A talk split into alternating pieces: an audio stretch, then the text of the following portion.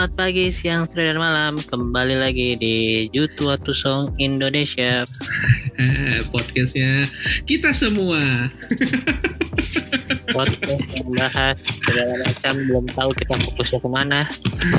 Yang penting kita ya yang penting ngomong lah daripada nggak ngomong. Riding the wave dulu aja kita yang lagi Iya. diomongin orang kita coba memberi opini tentang topik itu ya.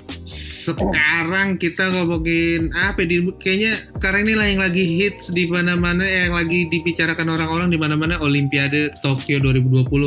Karena badminton, Hah? badminton di mana-mana. Ya itu mah lagu gembel.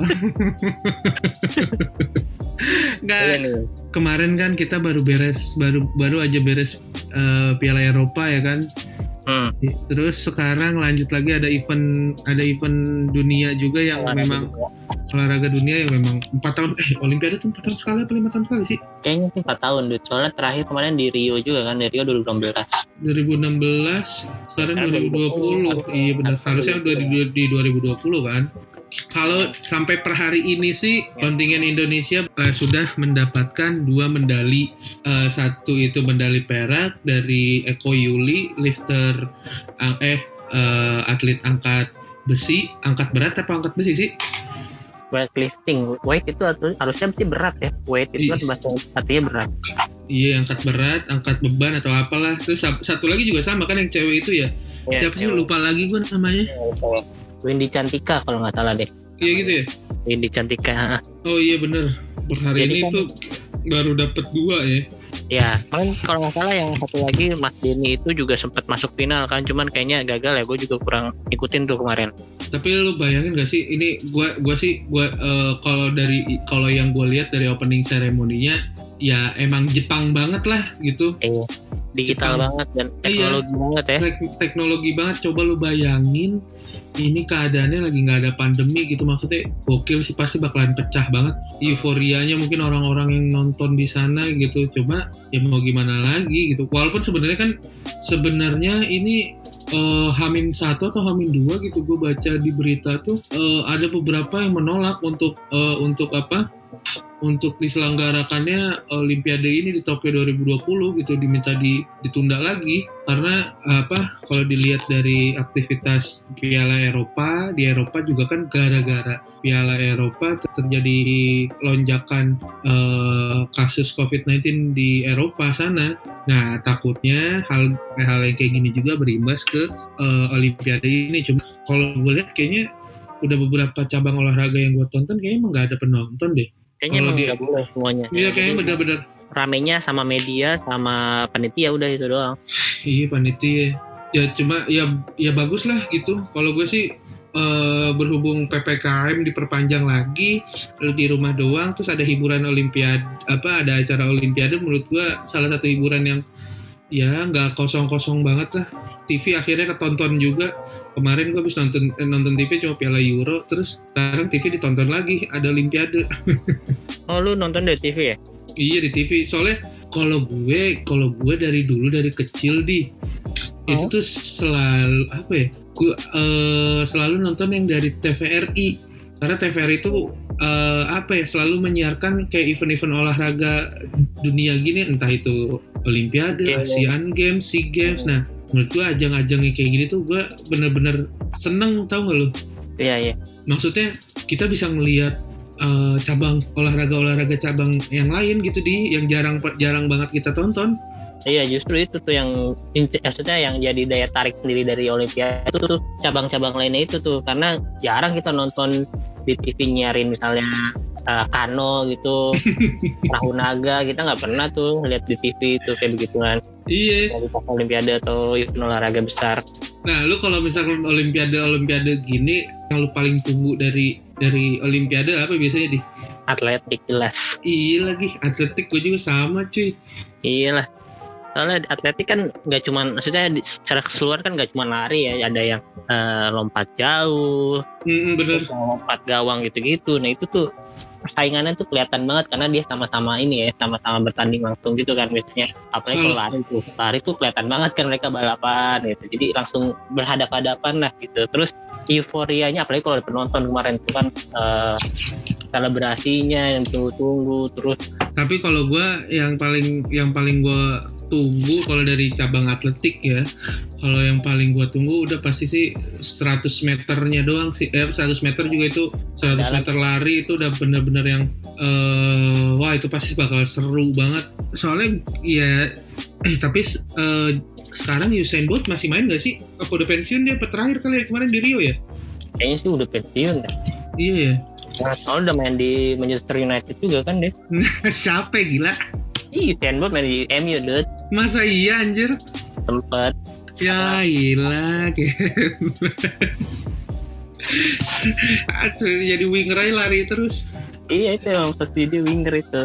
Tapi emang itu gue yang gue tunggu-tunggu tuh atletik terus renang mungkin angkatan kita kayaknya apa Michael Phelps Ya, Michael tuh. Phelps tuh eh, juaranya Amerika kan dia memegang rekor banyak juga tuh di eh, Olimpiade terus apa ya gue panahan itu udah gitu panahan kan ada pa- panahan tuh Indonesia pasti juga turun Ya. tuh pasti ada terus tuh Nah, ini kita gua sebutin dulu nih. Eh, apa aja nih apa untuk Olimpiade Tokyo 2020 ini Eh, Indonesia ngirimin 28 atlet, Dut.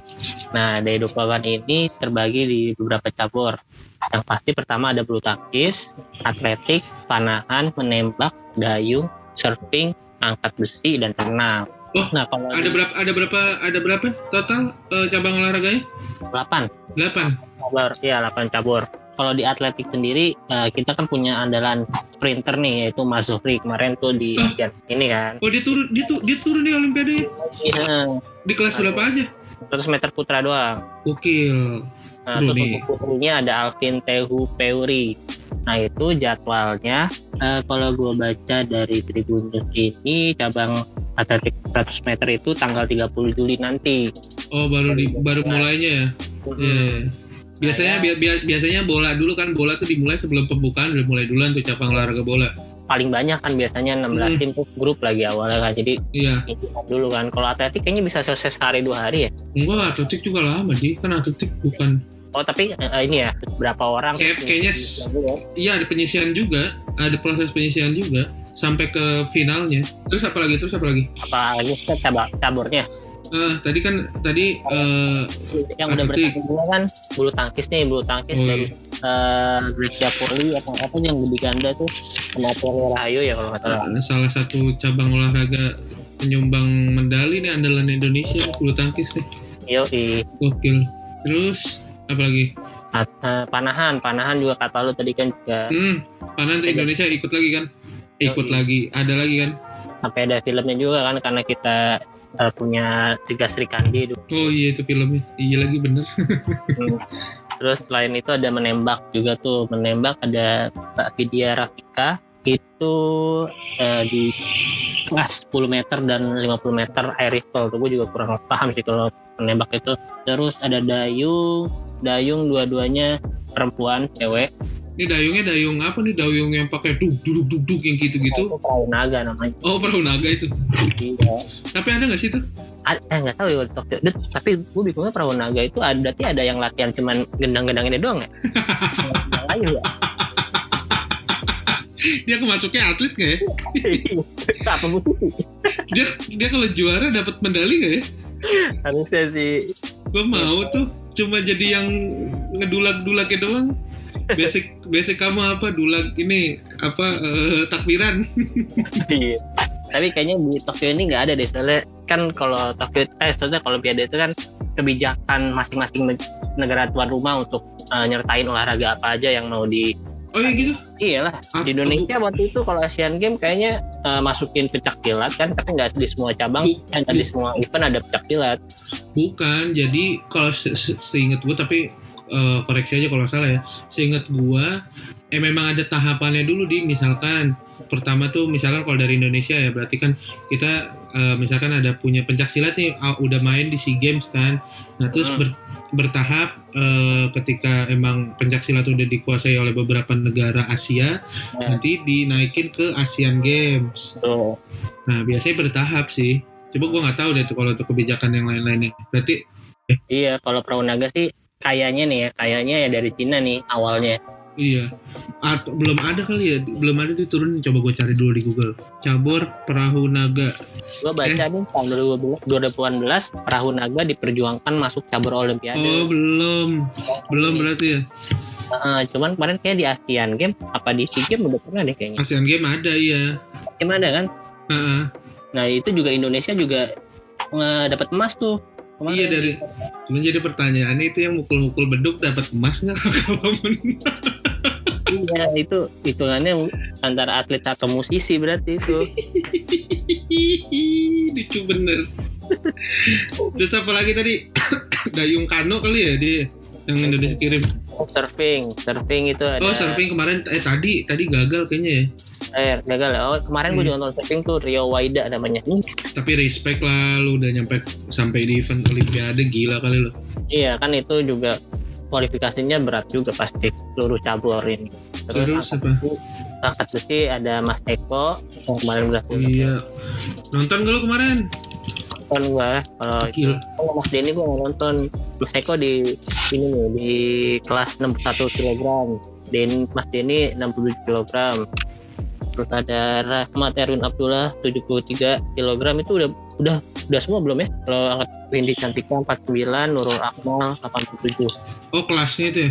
kelasnya ya kelas beratnya kan biasanya ada tuh kalau olahraga kelas Terus? renang satu lagi. Renang juga ngirim Oh renang kemarin gue lihat itu iya tuh. Campuran pokoknya gaya dada kupu-kupu terus iya bebas pokok- putra kan gaya Nah, itu kupu-kupu apalah berapa apa empat gaya apa tiga gaya gitu gue lupa. Satu putri satu putra. Kalau di putra ada Aflah Faldan Prawira di kelas 400 meter dan 1500 meter gaya bebas. Azara Permatahani di kelas 400 meter gaya ganti perorangan putri. Eh, Mas Aflan dan Mbak Zara ini pasti kalau pas SMA disuruh ikut kelas renang gak cuma bayar doang nih pasti ikut datang. ini iya lagi. Ada stereotip kalau lu malas renang bayar doang dapat nilai B. B yang penting lu kalau lu nggak renang tapi bayar doang itu dapat nilai B. Terus apa lagi? Udah itu terakhir renang pokoknya ada 28 orang nih. Ya kalau biasanya sih penyumbang emas ada di bulu tangkis sama bulu tangkis. bulu tangkis angkat besi. Panahan juga kayaknya iya. Iya ya iya kayaknya tuh. Mm-mm. nah, cuman seenggaknya eh, dari ya seenggaknya bisa melewati apa eh, pencapaian pas di Rio ya kalau nggak di kalau nggak salah di Rio itu berhasil gue lihat dulu nih di Rio kemarin berapa medali ya Olimpiade. Lu sambil cari apa sambil cari info itu ini gue mau update juga nih lima besar pe- apa pengisi klasemen sementara eh, torehan emas. Nah urutan pertama ini kita per di tanggal 26 ini raihan sementara tertinggi itu masih di masih dipimpin sama Jepang dari tuan rumah guys. Oh iya satu di info di keunggulannya seba keunggulannya sebagai tuan rumah adalah mereka itu udah pasti di seluruh cabang olahraga itu pasti ada tuan rumahnya. harus ya maksudnya nggak di kualifikasi lagi ya nggak ada Nggak ada nggak ada fase kualifikasi udah pasti ada ya, ya, gitu. Kayak kayak kemarin Asian Games juga Indonesia kan di seluruh cabangnya ada. Nah ini juga sama sama halnya di Olimpiade gitu. Jadi mau di cabang mm, angkat besi apa kayak gitu pokoknya ada semua deh gitu. Nah ini eh, peringkat pertama masih diduduki sama Jepang dengan perolehan itu emas eh, 8 emas, 2 sil eh, 2 perak, 3 perunggu. Dengan totalnya itu raihannya 13. Terus peringkat kedua diisi sama Amerika Serikat. Dengan torehan emasnya itu 7, peraknya 3, eh, perunggunya 4, totalnya itu ada 14 itu kemudian Cina yang ketiga udah pasti Cina sih ini. Pokoknya dua besar eh, pokoknya empat besar Cina Amerika tuh pasti aja deh Cina itu di urutan ketiga dengan 6 emas, 2 yang apa? 6 emas, 5 perak, 7 perunggu. United Kingdom itu ada di urutan keempat dengan torehan emasnya 3, peraknya 3, perunggunya 1 dan peringkat kelima itu ada Korea Selatan eh, dengan torehan emasnya 3, silvernya 0, perunggunya 4, totalnya 7. Indonesia di peringkat berapa ya? Indonesia 28 sih kalau gue lihat di Google nih. Cuman tadi Oh iya Indonesia 28. peringkat 4 apa tadi? Peringkat 4 itu Republic of Bukan ROC itu kalau gue baca nih kayaknya Russian Olympic Committee nih. Nah, gue juga belum tahu nih kenapa yang di maksudnya mewakili Russian itu tuh namanya bukan apa nggak Rusia doang nih. kayak perserikatan kali di. Kayak Great Britain gitu ya. Kalau di Olimpiade kan Great Britain. I see, I see, I see. Enggak di. Kenapa? Eh, bentar, bentar. ROC itu apa ya? Rex Orange County. Anjir, kenapa?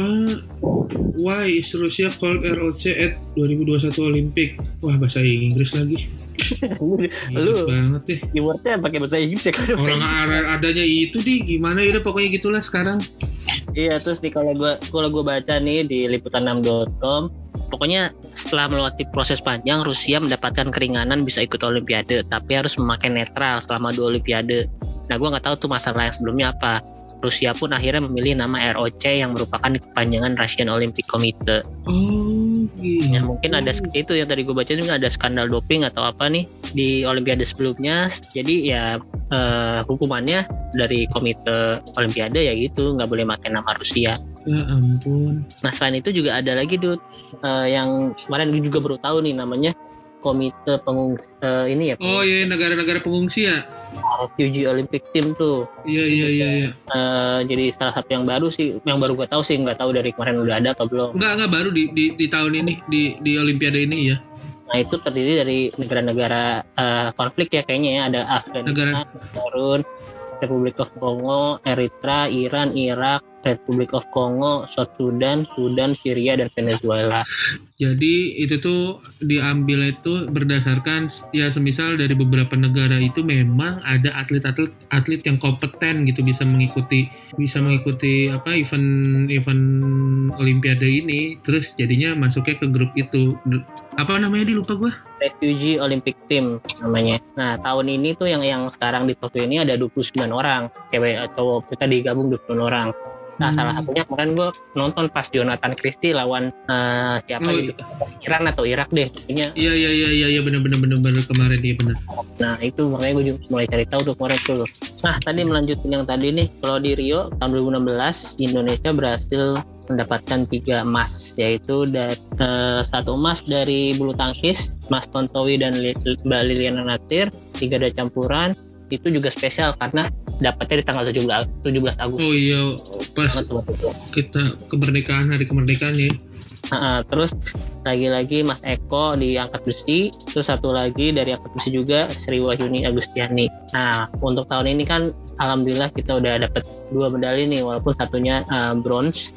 Nah, semoga aja nih uh, di cabang-cabang lainnya bisa nambah lagi nih sehingga kita bisa melewati capaian tahun 2016. syukurlah mudah-mudahan lah ya Iya, setengahnya harus ya kalau gue sih optimis sih kalau di bulu tangkis pasti ada salah satu Tapi kemarin kita tuh termasuk rekor katanya untuk di fase pertandingan pembukaan itu tuh kita nggak ada yang kalah gitu menang semua untuk Hmm. pertama kalinya di seluruh ya apa di seluruh kelas di badminton gitu dari cabang apa dari atlet-atlet yang berlaga di sana tapi badminton itu nggak gugur kan Lang? Maksudnya ada grupnya juga plus gugur gitu. gugur. Nah biasanya badminton itu seingat gua ada yang beregu, ada yang perorangan. Biasanya sekarang badminton udah gokil di Eropa Eropa ngeri bener dah.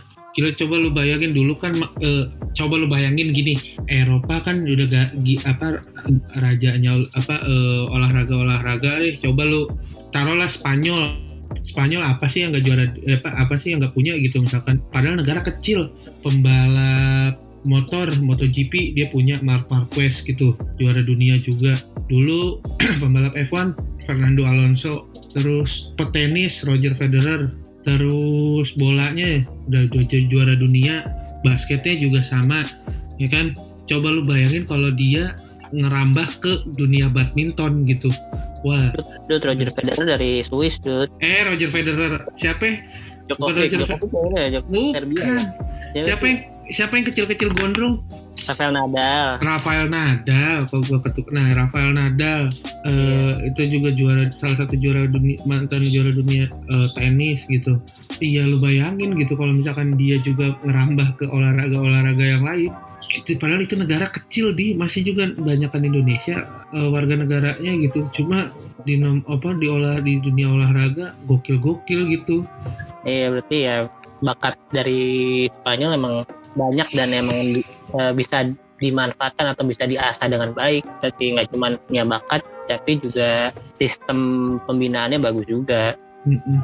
Oke lah, mudah-mudahan seluruh peserta dari perwakilan dari negara Indonesia yang ada di ajang Olimpiade saat ini di Tokyo, eh, ya ya nggak dapat medali pun nggak apa-apa, lu, lu udah keren, gue sih ah, respect deh, respect respectnya mereka udah eh, berjuang bawa nama Indonesia cuy.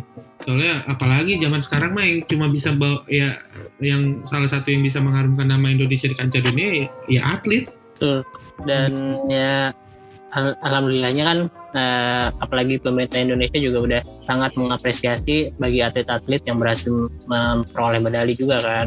Betul. mereka dikasih bonus-bonus dan juga apa ya insya Allah bisa hidup layak lah di akhir walaupun dia pensiun nanti kan tapi prediksi lu nih juara umum tahun ini siapa tuh kalau tahun 2016 tuh Amerika Serikat Amerika Serikat kan yang terakhir. Eh, peringkat gue siapa? Inggris Great Britain ketiga China China. Nah, kalau gue sih ya masih di masih dikuasai antara tiga itu sih Amerika, China sama Inggris. Cuma gue kayaknya masih tetap Amerika lah. Gila cuy, Amerika hampir di setiap cabur kayaknya ada. Cina juga sama sih hampir di setiap cabur ada. Heran gue. ya dan menariknya emang eh, di dua di dua gelaran terakhir ya emang tiga tiga negara itu yang Mm-mm. ngisi tiga besar Kalau Ya, dua tahun dua tahun sebelumnya siapa? tahun berapa nih 2012 sama Hmm. Amerika juga Amerika tapi peringkat duanya Cina nih tiganya baru Great Britain Sama nih. Udah kayak perang dagang antara Amerika Cina. Iya. Di Olimpiade juga bersa- bersaing. Gila. Ya tapi gue gue sih gue sih berharap juaranya ganti deh. Tadi Amerika gue berharapnya tuan rumah lah Jepang lah. Iya sih harusnya kalau karena ini di tanah tuan Asia sih rumah ya kan? gua ngedukungnya eh, ini sih negara-negara Asia sih. Hmm. karena kan di Asia nih kalau kemarin sebelumnya yang 2012 di London nah, 16 di Rio emang China masih bisa bersaing juga sih sebenarnya apalagi kalau di tuan istilahnya bukan walaupun bukan tuan rumah tapi tuan rumah benua lah. Kayaknya mereka juga lebih dari yang tahun sebelumnya. Bener bener bener gue berhubung anaknya wibu banget anjay. Dukung Jepang lah gue cita-cita gue di cita-cita gue kalau gue pengen keluar negeri gue belum gue belum pernah ke keluar keluar negeri tapi Jepang sih destinasi destinasi wisata gue kalau gue punya rezeki bisa keluar negeri sih negeri sih. Sama gue gue anaknya Jepang banget lah. Sama sih kalau gue eh, lebih ke kuliner sih tapi gue juga emang ya. gue sih ini emang Jepang sih paling nomor satu Jepang kedua baru Italia tuh. Iya gue kalau gue du, kedua kedua Inggris lah Arsenal lah kita ke London ya kita kenal kan ya karena gue juga suka Inter ya jadi kita Ntar kita next episode kita bahas tentang sepak bola sama klub apa sama klub kesukaan kita lah. boleh boleh Ya udah.